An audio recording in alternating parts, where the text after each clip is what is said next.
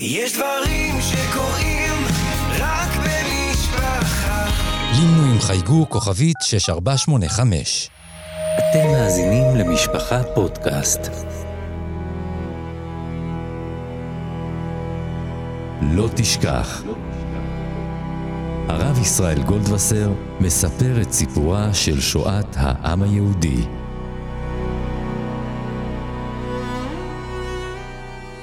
לפני תקופה ארוכה, כשהתחלנו את הפודקאסט הזה, הוא התחיל בשני פרקים שעשיתי יחד עם רעי וידידי, הרב יונתן אליצור.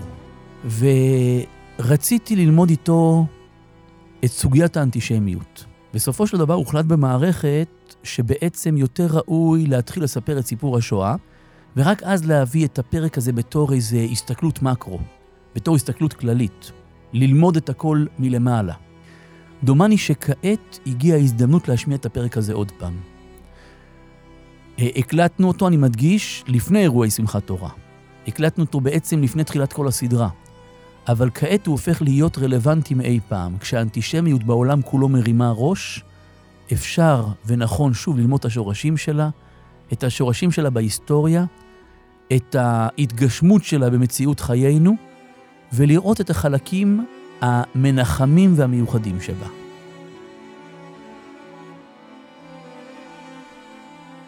על סיפור השואה נכתבו כבר למעלה מ-100 אלף ספרים ומאמרים. אין נושא מקביל באנושות, מי מדבר על עם ישראל? אין נושא מקביל בעולם כולו שנכתבו על הספרים בהיקפים האלה, כי באמת הסיפור הכי גדול בתולדות עולם. והפעם אנחנו מתכנסים כדי להבין על מי התרגשה השואה. מיהו עם ישראל של תרצ"ט, של 1939, של ערב המלחמה? נמצא איתנו אה, ידידי ורעי, הרב יונתן אליצור. שלום, שלום, רבי ישראל. אה, יוני בשבילכם.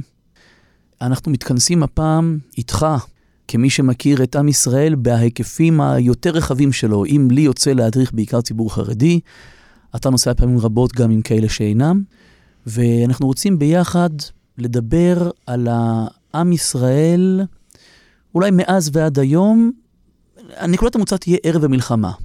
אנחנו מדברים על עם שנמצא בשיא התפשטותו הגיאוגרפית והמספרית. למיטב ידיעתנו, המספר הכי גדול שעם ישראל הגיע אליו בתולדותיו, אם בתקופת חורבן בית שני ניקח לדוגמה, מדברים על סביבות 4 מיליון יהודים שנמצאים בעולם. בתקופות מאוחרות יותר, ניקח את מסע הצלב, היו בעולם פחות ממיליון יהודים. ערב המלחמה נמצאים בעולם למעלה מ-17 מיליון יהודים, ולא חזרנו למספר הזה עדיין. אנחנו עדיין אה, מלקקים את הפצעים, במילים אחרות. אה, איך מישהו אומר לי, כל שני ילדים שאתה רואה משחקים ברחוב, היה שם ילד שלישי שהוא לא נמצא במשחק. אז אה, מי הוא אותו עם ישראל? מי הם אותם 17 מיליונים? רובם המוחלט הם אירופאים ויוצאי אירופה. רוב עם ישראל באותם שנים היה מה שנקרא היום אשכנזים, ועליהם מתרגשת השואה, אבל מה הם בתפיסה? מהו מעמדם התורני והרוחני נקרא לזה? אם נלך 200 שנה אחורה, כל עם ישראל כולם, 99 אחוז נאמר, שומרי תורה ומצוות. מגיע ערב המלחמה וזה לא המצב. מה קרה שם באותם שנים באירופה? מהו השינוי הדרמטי הזה אני אגיד את זה ככה, עם ישראל עבר שני משברים גדולים בתולדותיו. משבר גשמי ומשבר רוחני. המשבר הגשמי, המשבר הפיזי, האסון הגדול בתולדות ישראל, זאת השואה הנוראה. צדיקי הדורות אמרו, מיום היות ישראל לגוי לא הייתה כצרה הזאת. הרבי מפייסצנה כותב תוך כדי המלחמה, מוסיף במחברתו בכמה שורות, למיטב ידיעתי בקורות ישראל, מעולם לא עברנו דברים כאלו.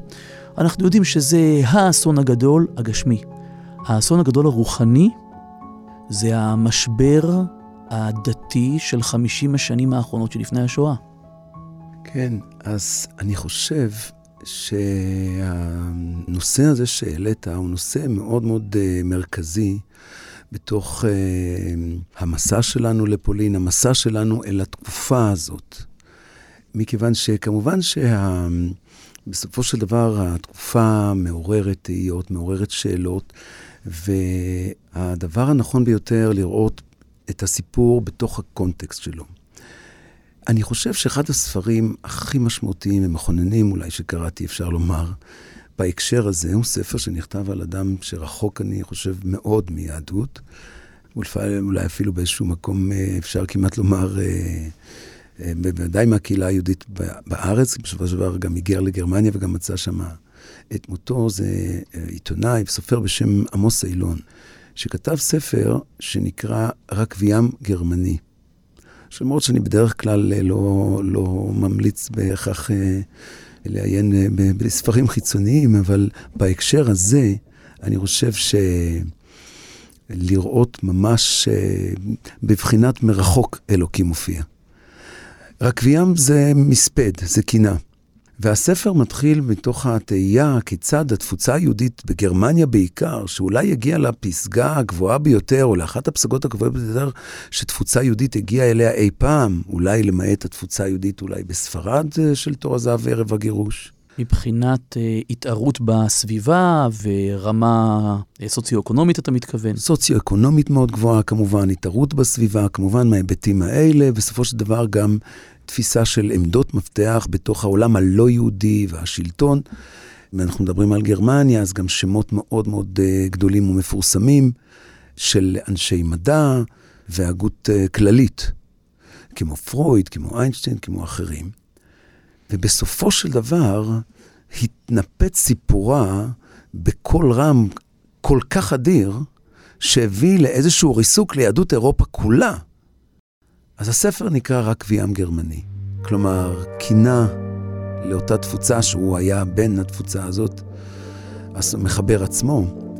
והספר פותח ב-1750, כשמגיע נער יהודי, בלוי סחבות, כנראה שמבריק בכל זאת בצורה בלתי רגילה אולי, לשערי ברלין, ונכנס דרך שער שנקרא שער רוזנטלר, שדרכו ניתן להכניס רק סחורות, בהמות ויהודים.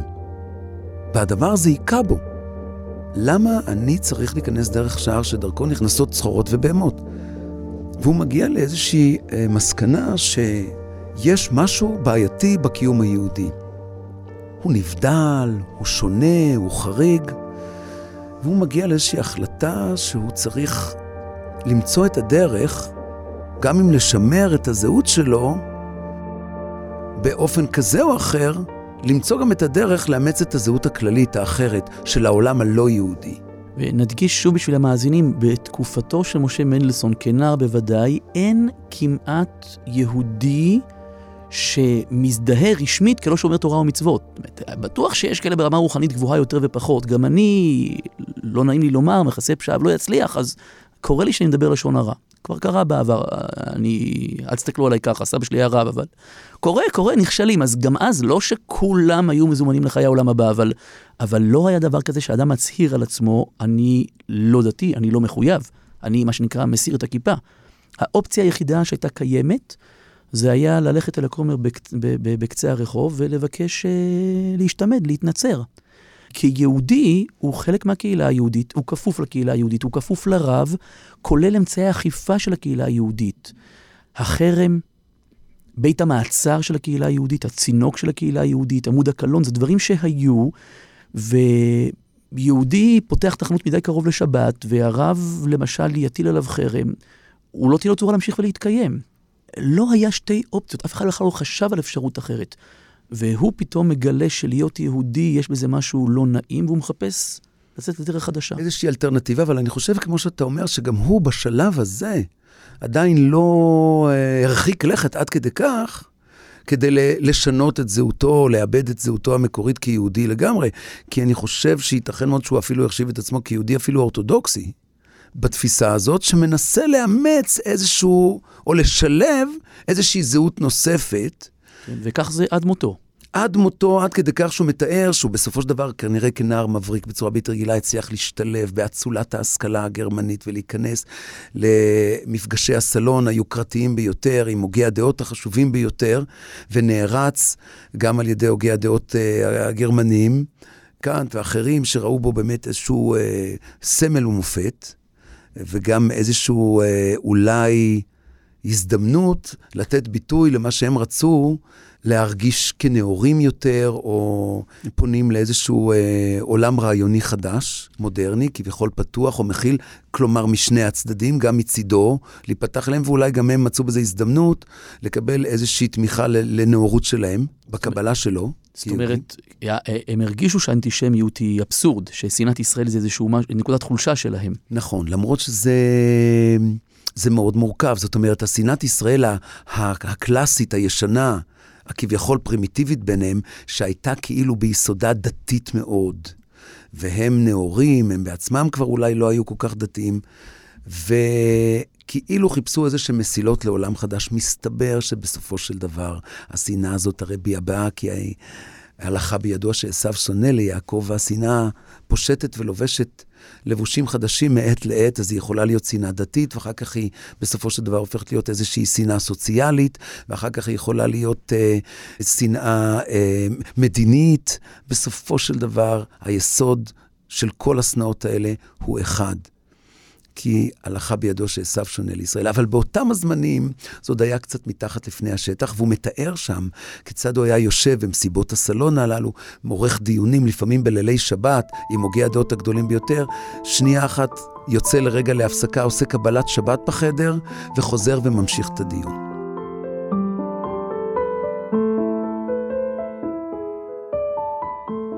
אבל זה היה הוא, האב המייסד.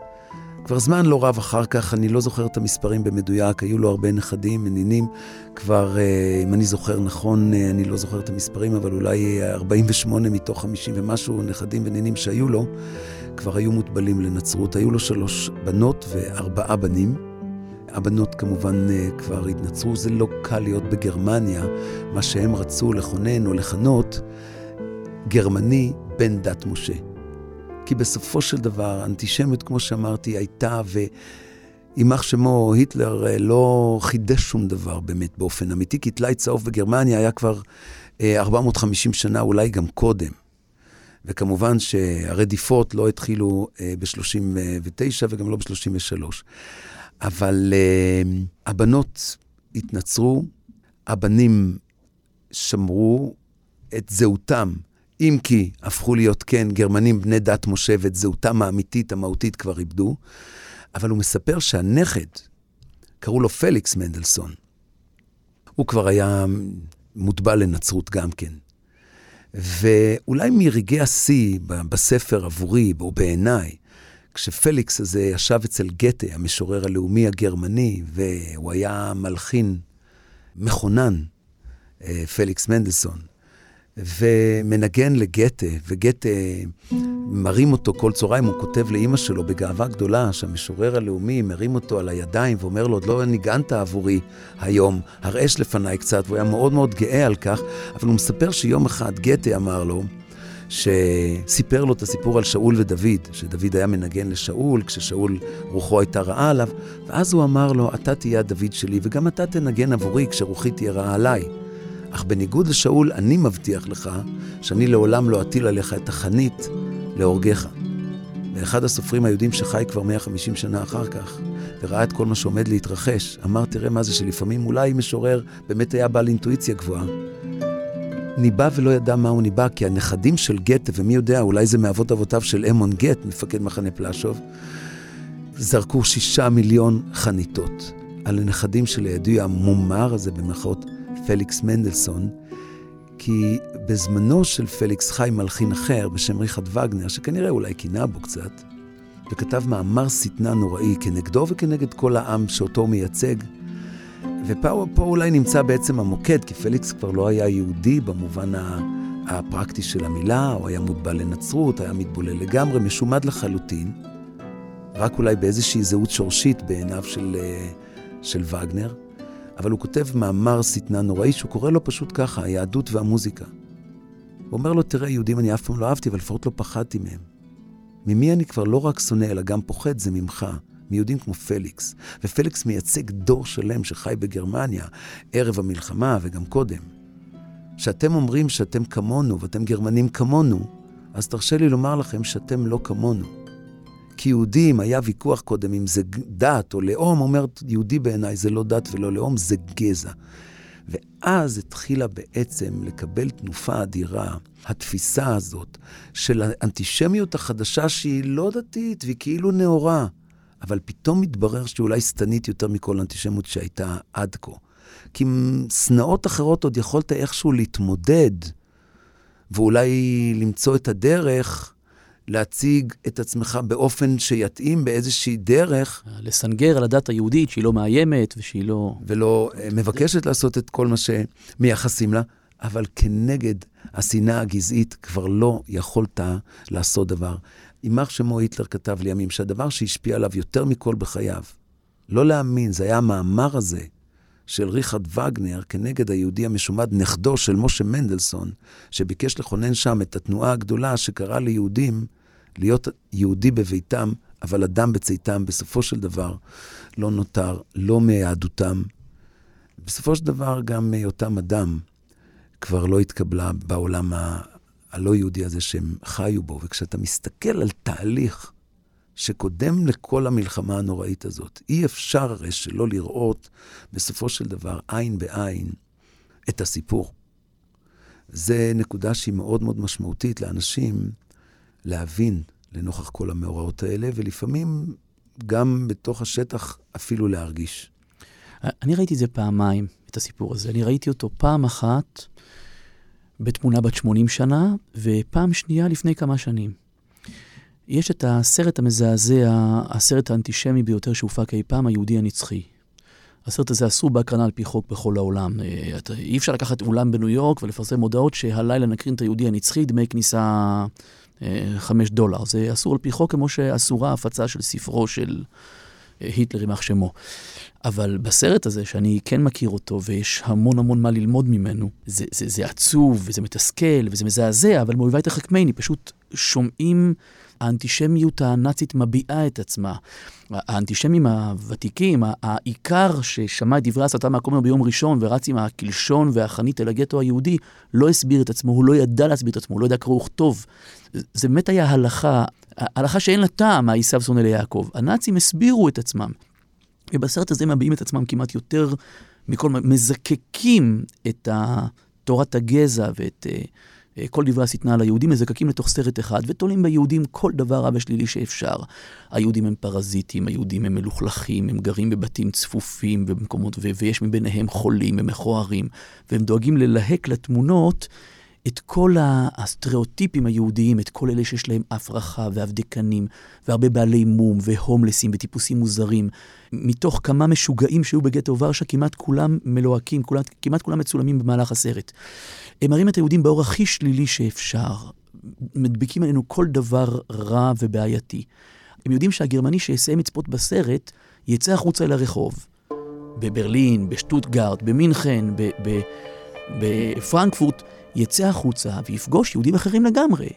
את היהודי הגרמני, את פליקס מנדלסון ודומיו, וגם ה-15% יהודים בגרמניה שנשארים שומרי תורה ומצוות, זה תלמידי הרב הירש, כן? תורה מדרך ארץ. זה לא אה, זקן ארוך של יהודי מגליציה, ולא היהודי החסידי ממרמרו שברומניה, זה, זה, זה סיפור אחר לגמרי. זה יהודים מעונבים, מחויטים.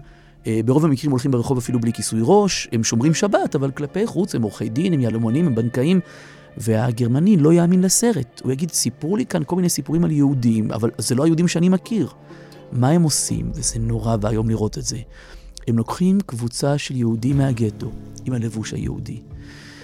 עם האידש היטלי, עם הכובע היהודי, הקסקט הזה, עם, עם כמובן, עם, עם הדרת הפנים היהודית, עם הזקן והפאות, מצלמים אותם, ואז הקריין מסביר, אתם רוצים לראות מה הם באמת? מגלחים אותם, את הגילוח לא רואים בסרט, מגלחים אותם, מלבישים אותם חליפות אירופאיות, עניבות אפילו פפיונים בחלק מהמקרים, מסירים להם את הכיפות, את הכובעים, ואז מעמידים את אותה דמות שהגרמני ראה עם הזקן והפאות, ומראים לו, הנה, כעת הוא מוכן להרעיל את גרמניה מבפנים. הנה היהודי שאתה מכיר. בעצם זה אותו יהודי, ראית אותו עם הזקן והפאות, אבל מדי פעם הוא מתחפש, מדי פעם הוא מסיר את הזקן והפאות כדי לטמא אותך, כדי להרעיל אותך, כדי להר... להתערבב בתוך הגזע הארי הטהור, ולמהול בו את, ה, את הגזע היהודי הבעייתי. זה נורא ואיום לראות איך שהם מביעים את זה, אבל בזה מסבירים בעצם, תעזבו. היהודים זה לא אלה שאתם מכירים, היהודים זה היהודי המסורתי, הגלותי. זה מאוד מזעזע וזה מאוד מחזק. זה, זה מסביר, זאת היהדות ואותה אי אפשר לעזוב וממנה אנחנו לא נתנתק. ואתם איתי, אומר הקדוש ברוך הוא, אתם איתי, אתם שלי, ואם תרצו לעזוב, אני אאסוף אתכם בחזרה. איך אנחנו אומרים ב"ואיש שעמדה"? והיא שעמדה לאבותינו ולנו, שלא אחד בלבד עמד עלינו לכלותנו, וכולם שואלים מה זה ה"והיא" שעמדה, מי זאת שעמדה. יש הרבה הסברים, אבל ההסבר, אני לא יודע אם הוא מתאים בפשט במילים, אבל בפשט של המציאות אין הסבר חזק ממנו. והיא שעמדה לאבותינו ולנו, שלא אחד בלבד עמד עלינו לכלותנו. זה שבכל דור ודור עומדים עלינו לכלותנו, זה עמד לנו. מזה קיימת יהדות. בכל פעם שמישהו ניסה להוציא את האף החוצה, מאוד מהר באו הגויים ולימדו, אתם אחרים, עם לבדד ישכון. אתם לא חלק מהעולם הזה, אתם שייכים למתחם אחר. אמת לאמיתה, ואני חושב אבל שחשוב פה להדגיש, כי אה, לפעמים זה יכול אולי להישמע, אתה יודע, כאיזשהו משהו שלאחדים יכול להיות קשה אולי לשאת עד כדי כך, בוודאי כשאתה מגיע לטרגדיה כמו השואה, גם אם אנחנו נייחס אותה לאיזשהו אה, תהליך לא נכון שהיה קודם, עדיין היא מתקבלת אצל רבים כקשה מדי. ופה אני חושב שצריך להדגיש את הנקודה הזאת, מה שאמרת, כן? כשאתה מבין בעצם שהזהות היהודית שלנו כעם, בניגוד אולי לעמים אחרים, היא לא זהות שתלויה בארץ בהכרח או בשפה כלשהי, אלא היא באמת רעיונית, היא זהות שנרקמת סביב הרעיון שלנו. עד כדי כך שאדם שאיבד את הרעיון הזה, הוא איבד לא רק את הרעיון, הוא איבד את הזהות הלאומית שלו, עבורנו. אני זוכר שהייתי באחת ההזדמנויות באיזשהו מסע בספרד, ושם נוכחתי לדעת שעל פי רוב ההערכות המחקריות, היהודים שנותרו בספרד ערב הרגוש מנו כ-200 אלף, כמחצית העדיפו להיות מגורשים, ומחצית נותרו שם, והתנצרו כדרישת המלכה. למראית עין. למראית עין, אבל נשארו שם. בסופו של דבר, על פי ההערכות המחקריות, היהודים הללו, 100 אלף היהודים הללו, שנותרו שם, ונעלמו שם. ברובם, בתוך העולם הלא יהודי, מהווים היום כ-20% מבני האומה הספרדית, שהם כשמונה מיליון איש, יש שמונה מיליון איש. אז ביקרתי שם עם איזשהו, אה, איזשהו קולגה ספרדי גר, שקרא לעצמו כעת דוד, ויש כאלה שמגלים שהם מצאצאי האנוסים וכולי. אז שאלתי אותו, דוד, למה התגיירת? כי גילית שאתה מה-20 אחוז האלה? שאומרים, הוא אומר לי, כן, וסיפר לי כמובן את הסיפורים הידועים, הסבתא שמדליקה את הנרות בכד, אבל הוא אומר לי, אבל אולי כשהקבוצה תגיע, יותר נכון שנגיד להם את זה אחרת. זה לא נכון לומר ש-20 אחוז מהאומה הספרדית הם יהודים. יותר נכון לומר שבכל ספרדי וספרדי יש יהודי 20 אחוז.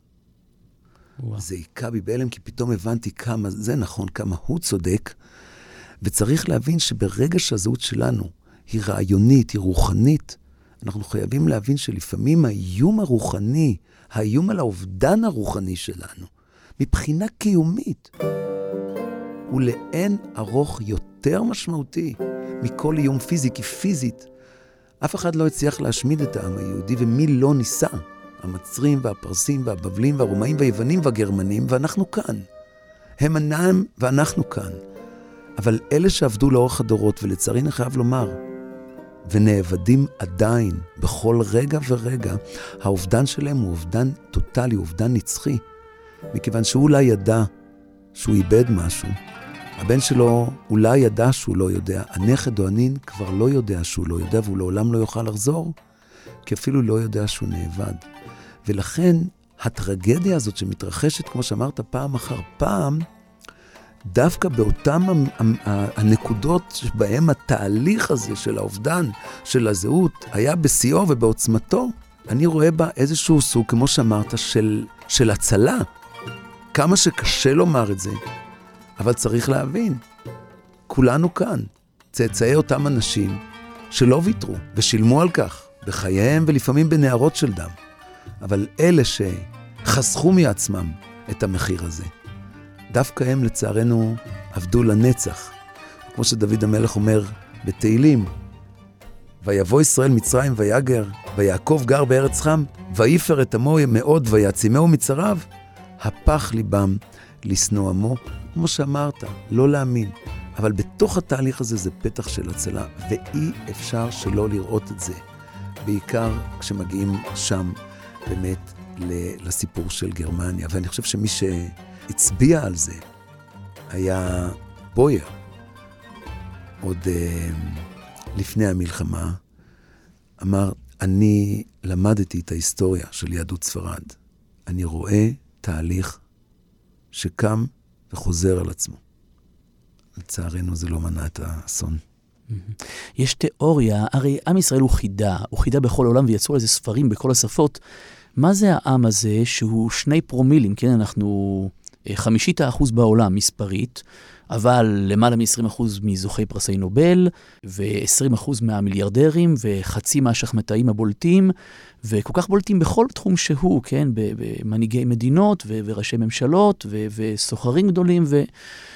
אה, זה לא מביא לנו הרבה הרבה אהדה, זה מביא אולי קנאה, אולי שנאה, אולי רדיפה, אבל המציאות קיימת ומנסים ללמוד את זה בכל מיני צורות. יש כאלה שמנסים ללמוד את זה ובגלל זה מתנכלים לנו, יש אחרים שמנסים לחקות אותנו, כמו לימודי גמרא בדרום קוריאה ובהונג קונג ויפן. אבל החידה היא חידה, מה זה העם היוצא דופן הזה? וצריכים לזכור שכשמדברים על ה-23 אחוזים זוכי פרסי נובל, זה בלי לחשב את גדולי ישראל. זה בלי לחשב את הכישרונות המבריקים ואני לא מדבר כעת על צדקות, אבל הכישרונות המבריקים של, של הרב אלישי והרב עובדיה, כן? רק מאלה שלא נמצאים, רק מה, מהמדענים יש לנו את... אז חלק מהתשובה לחידה הזאת, זה שאלה שכאן, זה צאצאי לומדים שהם צאצאי לומדים שצאצאי לומדים. זאת אומרת, כל מי שהרפא, אה, כל מי שעזב, כל מי שלא נאחז בכל כוחו בעץ החיים, כל מי שלא התעקש שילדיו ילמדו תורה וימשיכו בישיבות, כל מי שהתרופף הוא איננו. אלה שכאן, אלה שהיהודים שמכירים את עצמם כיהודים, ויודעים, המיליונים שמזוהים היום כיהודים, זה כאלה שהם צאצאים של אלו שהתעקשו לדבוק בדת יהודית.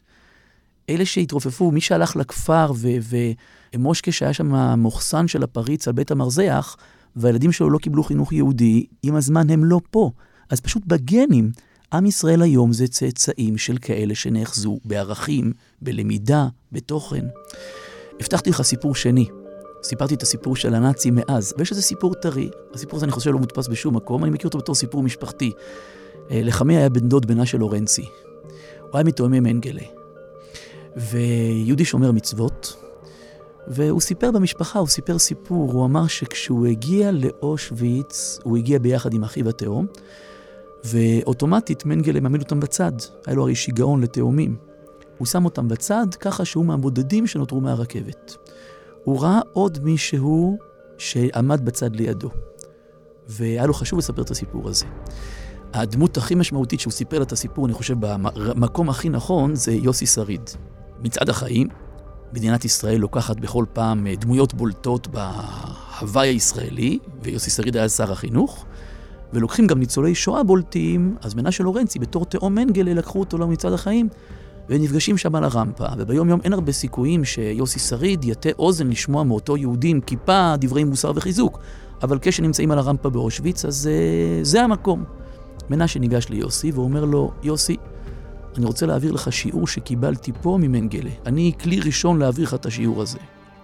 עמדנו פה אני ואחי, והסלקציה ממשיכה וממיינים את כל העיירה שלנו, ימינה ושמאלה, ואז מגיע בסוף התור כומר, עם שתי וערב גדול על החזה, עם גלימת כמרים, עם הזקן המרובע. מגיע הוא ואשתו וילדיו, ואומר למנגלה זו טעות. אני כומר בעיירה וכולם יודעים מזה. תשאל את אלה שעומדים פה מסביבי. אני כומר, אבא שלי היה כומר, הסבא כמדומני השתמד, אולי אפילו סבו זקנו. אבל מאז אנחנו נוצרים נאמנים וותיקים, גויים, מי... אז זה שיש לנו 1 חלקי 8 או 1 חלקי 16 יהודים, מה זה רלוונטי? מנגלה שמע ואמר תעמוד גם כן בצד. הוא אומר, מנשה לורנצי סיפר, עמדנו אני ואחי, והכומר ובני משפחתו. והסתיים המיון, נגמרה הסלקציה, ואז מנגלה קורא למשאית, ואמר לכומר ולילדיו תעלו למשאית. היהודים צעדו על שביל המוות לכיוון תא הגז, והמשאית עם הכומר, נסעה אחריהם אט-אט, והורידה אותם באותו מקום, והם נכנסו לאותם תאים ולאותם תנורים. הוא אמר לו, יוסי, אני יודע שאתה קצת, קצת אומר ככל עם בית ישראל. אתה כשר חינוך לא תחפש איך להוסיף אה, זהות יהודית ולימודי תנ"ך. אתה חושב שאולי יהיה לנו יותר טוב, ליהודים בארץ ולילדי ישראל יהיה יותר טוב שהם יהיו יותר דומים לאומות העולם. אתה יודע מה נרוויח מאומות העולם אם נהיה דומים להם? שבמקום ללכת לתא הגזים ברגל, נקבל מהם ספיישל. את זה למדתי פה ממנגלה.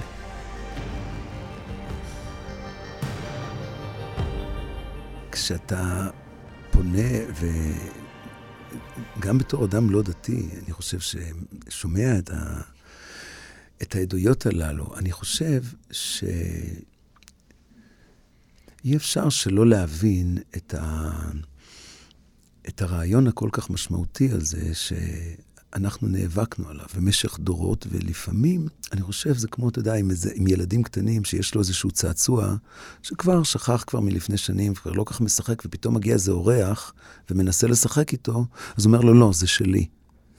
אז אני מרגיש שכאילו הזהות הזאת, שלצערנו היה לאורך הדורות לפעמים נטייה לשכוח, כשהגיע הצורר התורן, או הקלגס הנאצי, וניסה לקחת את זה, פתאום היהודי, לפעמים גם הרחוק ביותר, נזכר שזה שלו.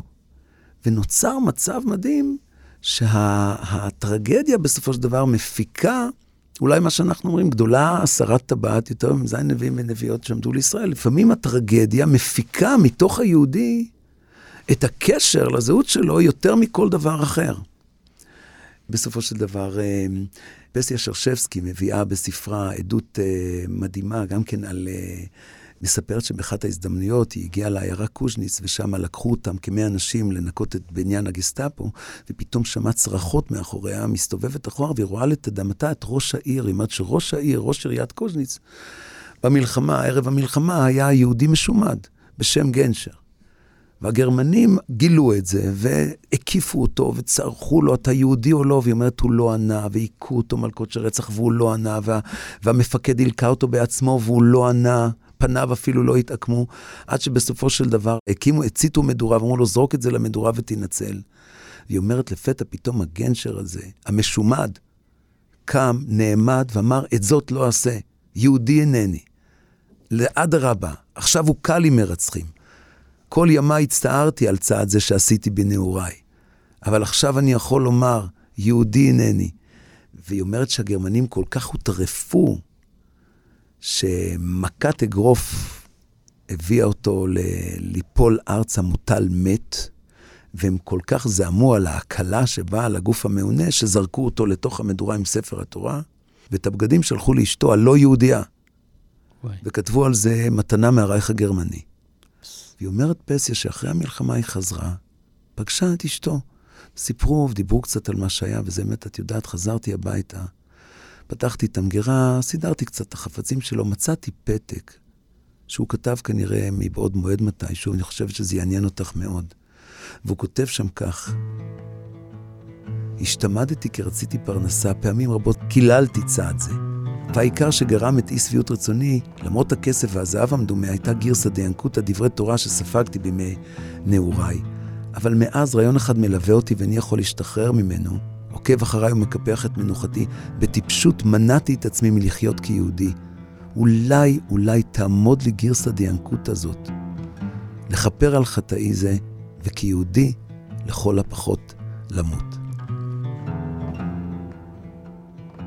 ואני אומר לך שכשמגיעים לשם גם אנשים לא דתיים מבינים את הדברים, רואים את הדברים האלה, כי צריך להבין שהיום הדילמה הזאת היא עבור, אני לא רוצה להגיד רבים, אבל לצערי לא מעטים. היא עדיין בשיאה. היא עדיין בשיאה. ושאלת הזהות היהודית, לצערנו כרגע צפה פעם נוספת. וכבר יש את המטורף התורן שמדבר על רעיונות של השמדה, והעולם יודע, שוב העולם שומע, שוב העולם שוב שותק, ואנשים חוזרים, נוסעים לשם עם שאלות, ובהרבה מאוד מקרים חוזרים עם תשובות. אני חושב, יש הגמרא אומרת שאם ישראל עושים תשובה נגאלים, אם לא, אמר רבי יהושע, אמר לו, אם לא עושים תשובה לא נגאלים. אלא מעמיד להם מהר חשק כאמן ועושים תשובה כנגאלים.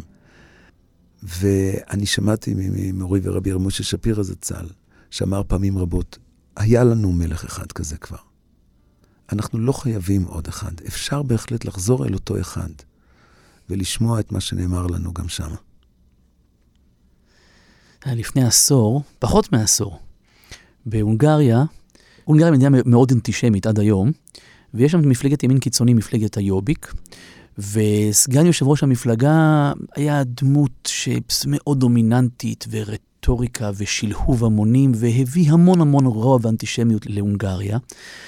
עד שיום אחד סבתו, בת 90 פלוס, קוראת לו ליד מיטתה, ומפשילה שרוול, מראה לו את המספר על היד, ואומרת לו, אני ניצולת אושוויץ, אני יהודייה, ואימא שלך יהודייה, אז גם אתה יהודי. הוא היה בהלם, וכשבמפלגה שומעים את זה שהוא יהודי, הם רוצים להשאיר אותו במפלגה בתור קישוט. אם יהיה לנו במפלגה יהודי, לא יוכלו לומר שאנחנו אנטישמים, כי יש לנו פה יהודי. והוא מאוד מאוד התנגד, ואת המשפט הזה, מה זה תפס אותי? הוא התנגד, הוא אמר להם, סליחה רבותיי, אני לא יהודי. סבתא שלי הייתה יהודייה, אני לא יהודי. אמרו לו, לא, לא, לא, לא, אתה יהודי חביבי. והוא הלך הביתה וקלט בדרך הקשה שכל היהודים סבא שלהם יהודי, והוא יהודי כי סבא שלו יהודי, ויהודי זה יהודי כי הוא יהודי, לא בגלל איך הוא מתנהג וכמה שהוא ירצה להתרחק. ולשבחו ייאמר, סגדי צ'ורנד, הוא כנראה אדם מאוד מאוד עוצמתי, גם כשהוא היה שם, וכשהוא קלט שהוא יהודי אמר, אם יהודי אז עד הסוף. ויצר קשר עם רב, ורצה ללמוד מה זאת יהדות, הפך את חייו מן הקצה אל הקצה, ומניח תפילין, ושומר שבת, ואוכל כשר, ללמדך, כדברי חז"ל, שכשיורדים יורדים עד לעפר, וכשעולים עולים עד לרקיע. אני רוצה לומר לך, אני שמח מאוד שאתה מספר את זה, כי באחת ההזדמנויות עשינו גם מסע בהונגריה, והגענו בסופו של דבר גם לבודפשט, והפכתי את העולם כדי להפגיש את הסטודנטים איתו. וואי. והסטודנטים שמעו את סיפורו, הראיתי להם גם קטעים מעברו. חלק מהסטודנטים כל כך זעמו, שאמרו, אנחנו לא יכולים להיפגש עם האיש הזה, כי בעבר הוא היה ממש ניאו-נאצי. אבל אני אמרתי להם, הרי, וזה מה שאמר גם הרב כובש שם בבודפשט, שגם הקהילה ככה הייתה באיזושהי מורכבות כלפיו. אבל אין דבר העומד בפני התשובה, וזה משהו שאתה עולה שם אולי בשיאו, ואני אולי, אני רק אומר שבאחת ההזדמנויות דיברתי על הרעיון הזה, וסטודנט אחד פשוט כעס עליי כעס עצום. כשדיברתי על הזהות היהודית והאובדן של הזהות היהודית, שבסופו של דבר מביא, הוא, הוא סכנה קיומית עבורנו, כי אנחנו קיימים רק בתוך הקיום הרוחני שלנו. וכנראה שהרעיון הזה היה קשה לו, רחוק מאוד מזה. היה כעס אימים, מריבות כל הלילה. אני חייב לומר לך שהסטודנט הזה הסתכסך איתי לשנים. מספר שכמעט שלוש שנים, הוא לא שוחח איתי כשהייתי מגיע למרכז שאני מלמד והוא נמצא בו, הוא היה פשוט הולך הביתה. אני לא, אף אחד לא ידע מה, מה בדיוק הדבר, הוא לא דיבר איתי, הוא לא אמר לי, אבל מאז הוא פשוט אה, לא שוחח איתי. יום אחד נסענו לארצות הברית, היה סיום הש"ס האחרון, שהיה ממש לפני הקורונה, ונסענו קבוצה של 100 סטודנטים, שם וולסון עשה סיום גדול, והסטודנט הזה ביקש לדבר, והוא קם. היה ערב מאוד ככה חגיגי, אני חייב לומר שהיינו, גם שתינו קצת, אז כולם היו כך נורא משוחררים ופתוחים. הוא קם ואמר, הוא סיפר, אני חייב, סליחה, אומר ליוני, לפני שלוש שנים היינו בפולין, הוא נתן שיחה על הזהות היהודית והמשמעות שלה והמשמעות שהייתה שם, בפולין ובגרמניה. אם מותר לי להשתמש בשפה, בסלנג שלו, הצברי הישראלי אומר, קיבלתי את הכאפה של החיים. כלומר, זה טלטל אותו כנראה בצורה... הוא אומר, כי בתוך הכיס היה לי כרטיס, one way ticket, כרטיס ללא חזור לברלין, חשבתי לעזוב ולהשתקע שם. לא שתכננתי את זה, אבל הבנתי שאם אני עובר לשם, סביר מאוד להניח שאני גם אמצא איזושהי בחורה לא יהודייה ואיעלם בתוך העולם הזה, הלא יהודי הזה שם, בברלין. ששמעתי אותו אומר, כעסתי עליו כמו שלא כעסתי על אדם מעולם. אני מאז לא, זוכ... לא דיברתי איתו, אבל כן חזרתי לארץ וקראתי את הכרטיס ונשארתי. והיום הגעתי כאן לסיום הש"ס, ואני רוצה לבקש סליחה ממנו ומכולכם, כי בכיס השני יש לי עכשיו כרטיס חזרה לירושלים, ואני ביום ראשון אה, נכנס ל, לישיבה, אה, למדרשת זיו, ורוצה לחזור חזרה לשורשים שאותם כל כך אה, מיהרתי קודם אה, לעזוב, ואז אני הבנתי שמעמיד להם מלך השקי המן, יכול להיות, אנשים שואלים אותי, הרי לפעמים יש, אומרים שהשואה גרמה גם לאנשים אולי להתרחק מהיהדות, כעס כלפי האלוקים. אני חושב שמי שהיה קרוב אליו קודם נשאר קרוב אליו יותר גם בתוך, ומי שהתרחק גם קודם היה קרוב פחות. אבל גם אם כן, יכול להיות שבדור שבו הדברים התרחשו, הדבר היה אולי לאחדים קשה מדי מכדי להבין, להכיל, לשמוע או לשאת. אבל מסתבר שפתאום דור אחד אחר כך, שני דורות, עשרות אלפי בני נוער יהודים מכל העולם, נוסעים לשם, נכנסים אל תוך תאי הגז, אל הקרמטוריום, עומדים מעל בורות הירי, וכן חוזרים הביתה יהודים יותר.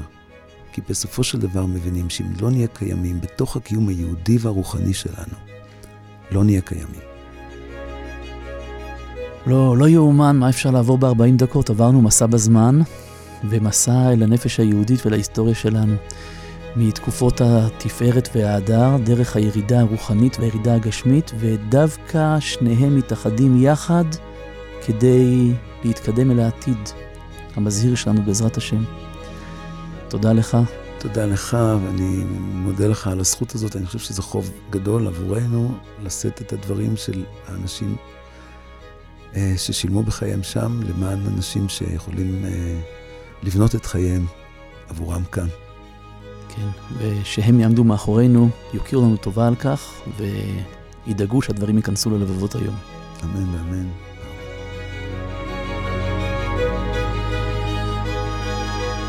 האזנתם ל"לא תשכח" מבית משפחה פודקאסט.